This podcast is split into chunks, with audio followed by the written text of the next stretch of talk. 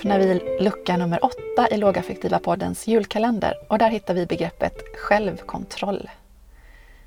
Det är ju centralt i lågaffektivt bemötande och handlar om att eh, kunna samla ihop sig, reglera sig, styra sig själv.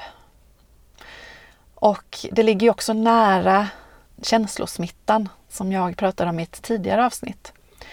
Utifrån tanken att ett tillräckligt starkt känslopåslag eh, kan få oss att tappa kontrollen över oss själva. Och vi kan hamna i kaos.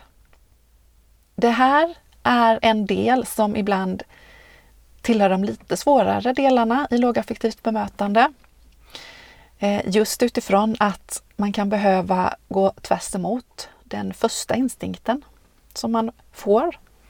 När man har en person framför sig som är upprörd, uppjagad och stressad och där man ser att personen håller på att tappa kontrollen.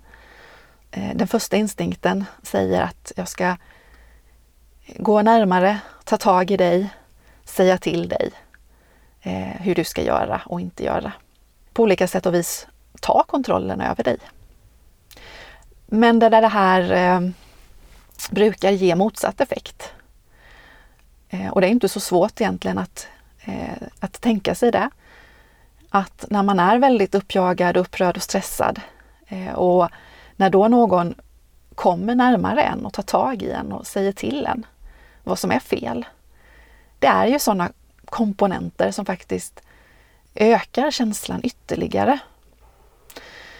Ett lågaffektivt bemötande syftar ju till att skruva ner känslovolymen och avleda en jobbig känsla. Och där jag eh, försöker hjälpa dig genom mitt bemötande, genom min icke-verbala kommunikation och genom min verbala kommunikation.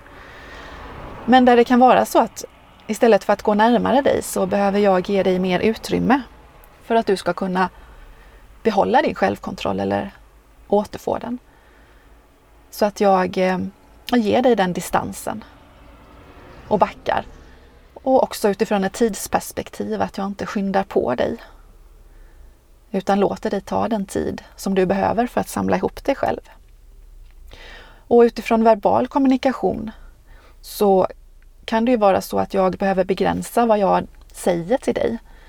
För en person som är väldigt stressad, ångestfylld, hen har ju fullt eh, fokus på att hantera sig själv eh, och ska inte behöva också då hantera kommunikation kanske uppe på det.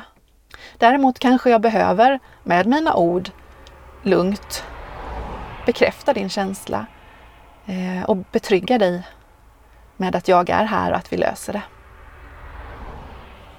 Jag tror att det här är en del som är lite svår i det lågaffektiva arbetet utifrån att vi själva så sällan hamnar i kaos.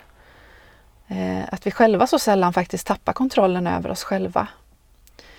Eh, utifrån att vi eh, kan avleda oss. Att vi kan styra oss så att vi kan behålla vår självkontroll. Och därför kanske missbedömer den andra och tror att en person som inte har gått undan för min strategi för att behålla min självkontroll när jag är väldigt uppvarvad, det är ju att gå undan. Men en person som är kvar i den här situationen och, och eh, ja, är hotfull och våldsam.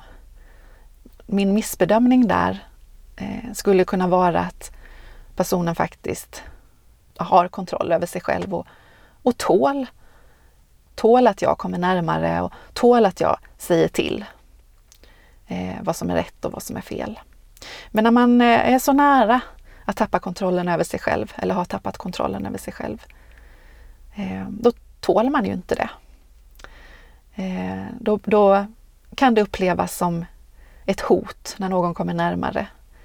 Eh, och det blir ännu mer stressande att höra att man beter sig fel.